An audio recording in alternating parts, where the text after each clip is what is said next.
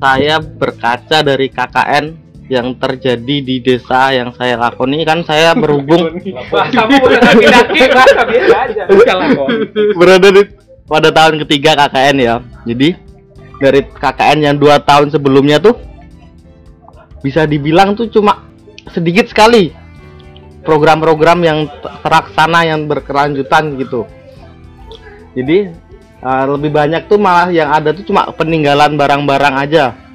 Misalnya kayak ya yang kayak warisan, planisasi, tempat uh, slogan-slogan, ada tempat buang sampah.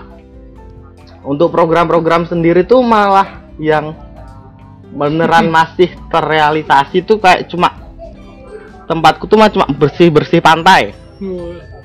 Ya walaupun nggak kayak dulu sih. Dulu waktu KKN berlangsung tuh kayak seminggu sekali bersih-bersih.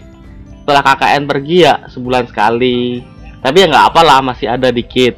Nah, untuk KKN yang di tempat lain nggak tahu sih.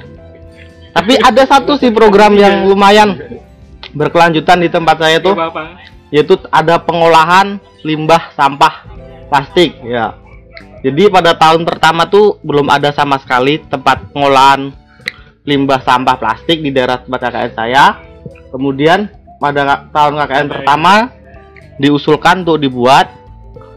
Ya, pada tahun kedua tuh sudah terrealisasi dengan adanya gedung Bisa dan datang sudah peralatannya. Nah, pada tahun ketiga tuh harusnya tuh berjalan. Cuma pada kenyataannya kemarin tuh waktu pelaksanaan KKN cuma berjalan sebentar, sekitar satu bulan pertama. Terus sisa KKN-nya uh, mandek kayak gitu. Kayak gitu Mas Bagas. Gimana selanjutnya? Mungkin dari Moa, saudara Febrian atau saudara Rahmat. Apakah ada program